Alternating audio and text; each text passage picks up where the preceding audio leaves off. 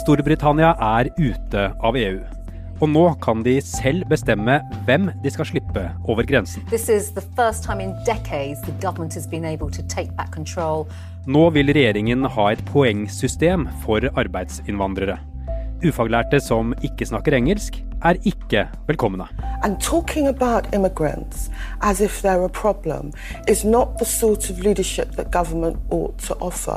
Dette er Forklart, som lages av Aftenposten. Jeg heter Andreas Bakke Foss, og det er fredag 21. februar.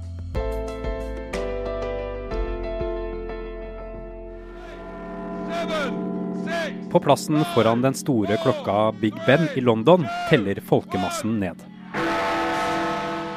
Idet klokka slår, står det på en stor skjerm 'We're out'. Vi er ute.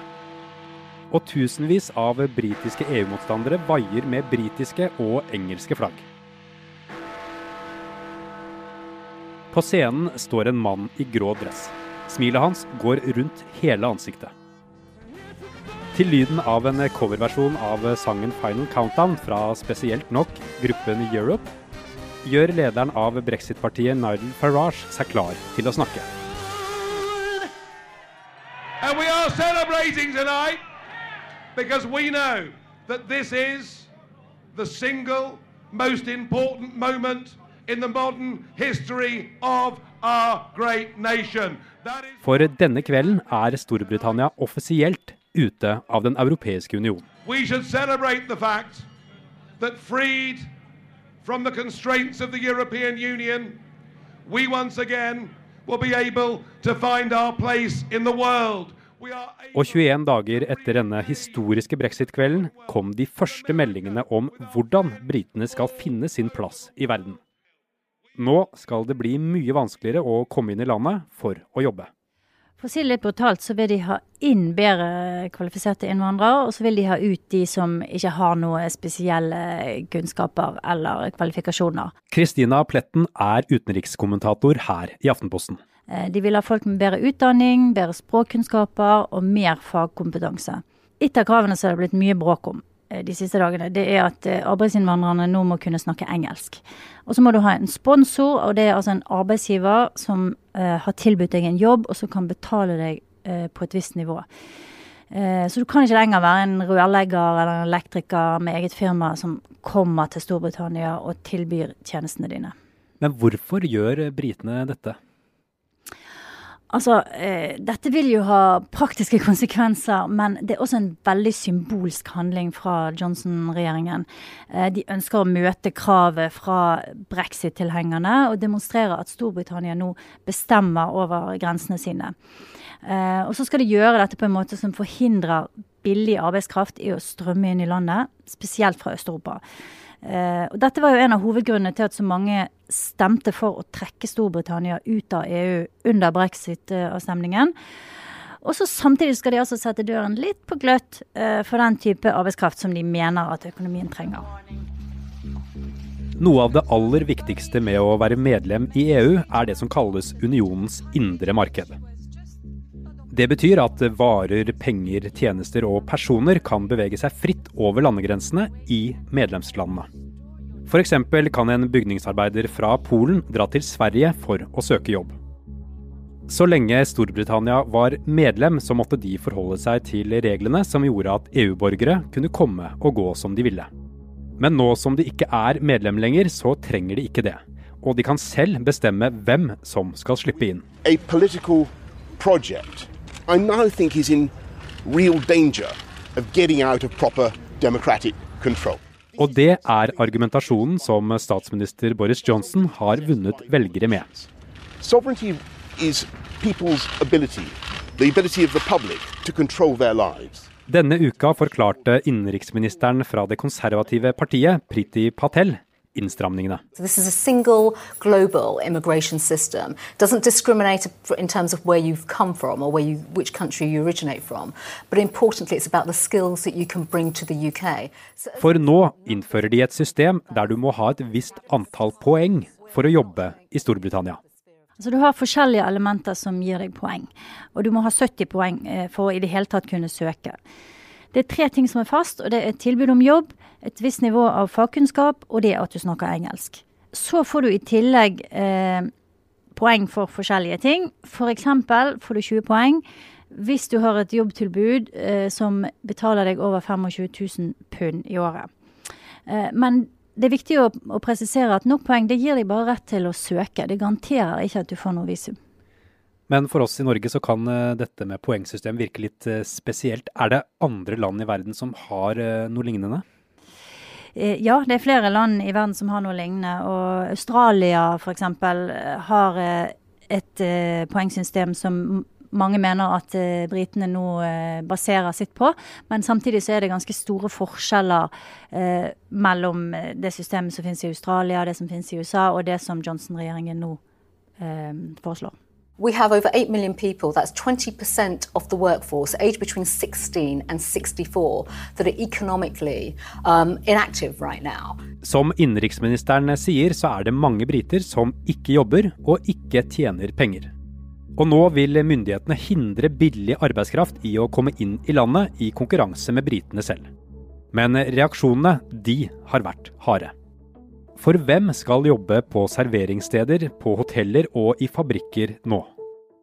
Vi er straks tilbake. Den britiske opposisjonspolitikeren Diane Abbott fra Labour frykter det hun kaller et fiendtlig miljø pga. det nye poengsystemet.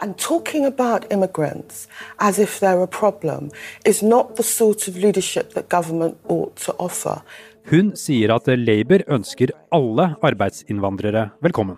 The Labour Party celebrates the contribution of immigrants. We want a fair system. We Kristina, det er jo kommet mye kritikk fra arbeidsgivere for denne nye strenge linjen for innvandring, spesielt fra de som ansetter eh, ufaglærte, f.eks. servitører eller fiskere. Hva er det de kritiserer? Altså, de mener jo at dette nye systemet vil legge masse press på de bedriftene som eh, baserer seg på arbeidsinnvandrere. Sant? Vil, de som er avhengig av eh, å ha folk som kan servere mat, eller plukke grønnsaker, eller vaske, eller gjøre andre jobber som briter ikke vil ha, de får problemer med å drifte eh, eh, foretakene sine. Fordi de ikke vil ha dette tilfanget av arbeidskraft som de har hatt nå eh, i mange år gjennom EU-systemet. Men ufaglært arbeidskraft er jo en viktig del av eh, arbeidsmarkedet som er i Storbritannia i dag. Hva vil bli konsekvensene når disse nye innstramningene innføres? Altså Regjeringen de sier at britiske bedrifter nå må begynne å investere i å trene opp folk som er såkalt økonomisk inaktive. Altså de må få briter i jobb som i dag ikke har jobb. Eh, og Det er sikkert ikke tilfeldig, men i går så fikk jeg også en pressemelding fra en britisk arbeidsgiverorganisasjon som viser det at eh, i underkant av 25% av menn i arbeidsfør alder nå er utenfor arbeidslivet. Og Det er sammenlignet med 5% i 1971, så det er et ganske stort gap der. Eh, samtidig så sier Priti Patel at de må utvikle robotteknologi for å fylle hullene. Altså roboter skal også ta over en del av, av arbeidet.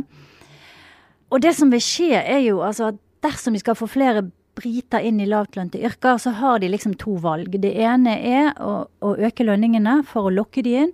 Og det andre er å tvinge de inn ved å fjerne velferdsgoder eller sette strengere krav da, til å få uh, trygd eller uh, uførebetaling. Uh, og hvis lønningene må stige, hvis det er det alternativet de velger, så vil jo også prisene stige på varer og tjenester. Så da vil jo det til slutt gå utover britiske forbrukere. Så britene vil merke disse innstramningene også selv. Mm. Mm. Det vil være folket som må ta regningen på en eller annen måte. Men hvilke bransjer eh, er det disse nye reglene går hardest utover? Altså Det har kommet veldig sterke reaksjoner fra landbruket, fra servicenæringen og fra byggebransjen, for å nevne noen. Eh, I britisk matproduksjon så er det jo nesten 20% av arbeiderne som er ufaglærte EU-borgere. Eh, og dette er de sektorene som har flest ufaglærte innvandrere i jobb, altså eh, hoteller, fiskeri, de som bygger hus og boliger og eh, forretningsbygg osv. Men så er det også noen bransjer som kan ha en fordel av disse nye reglene. De som, de som da vil ha eh, høyt kvalifisert eh, arbeidskraft, som f.eks. finans og teknologi. Så hvis det blir litt lettere å, hente inn eh, høyt kvalifiserte arbeidere, så, så mener eh, Financial Times at det kan ha en, eh, en positiv påvirkning på enkelte bransjer. Men med strengere regler for arbeidsinnvandring, er det ikke da en fare for at den ulovlige arbeidsinnvandringen vil øke?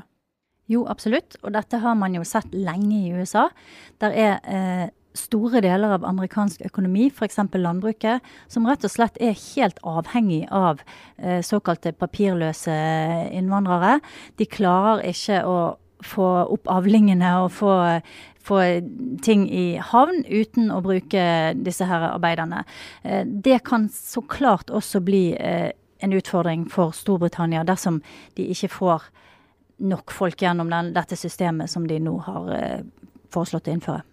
So the point about a builder that wishes to come to the United Kingdom from, from wherever in the world, not just the EU, yeah. and this is the point we're equalising our system right now. Britenes innenriksminister Patel mener det er latterlig å si at britene stenger grensene for arbeidsinnvandring. The government is in control of the immigration system, but they have to have an employer-led route. For har de en arbeidsgiver og får nok poeng til å møte kravene, så vil de komme inn.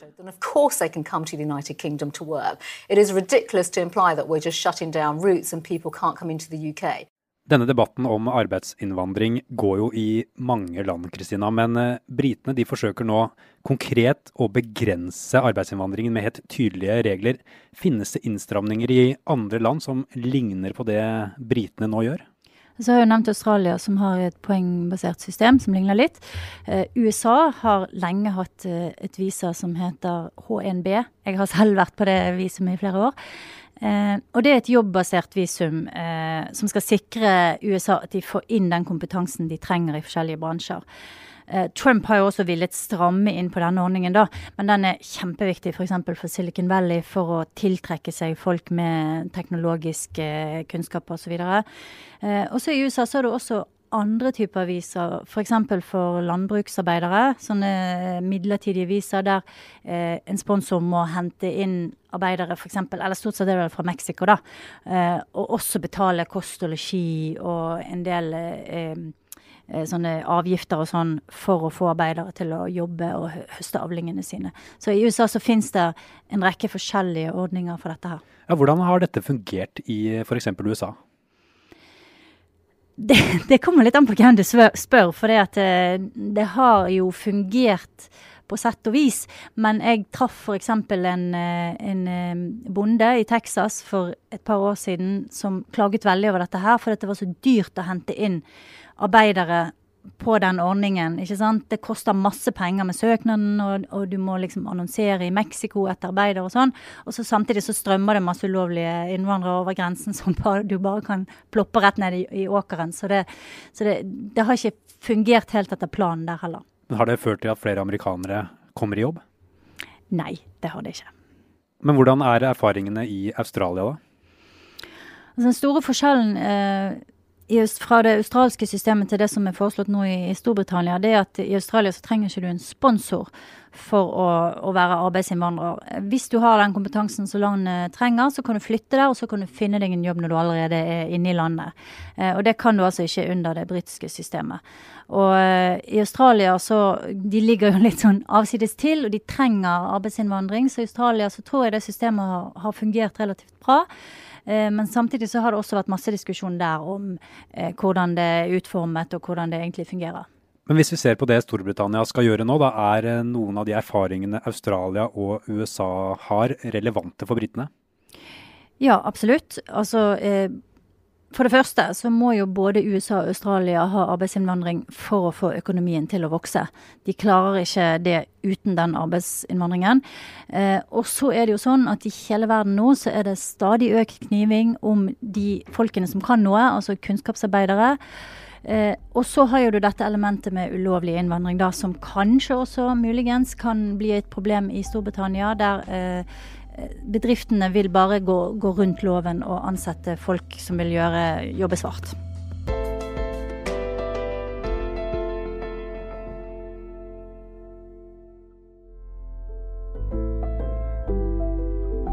Forklart lages av Caroline Fossland. Anne Lindholm, Kristoffer Rønneberg og meg, Andreas Bakke Foss.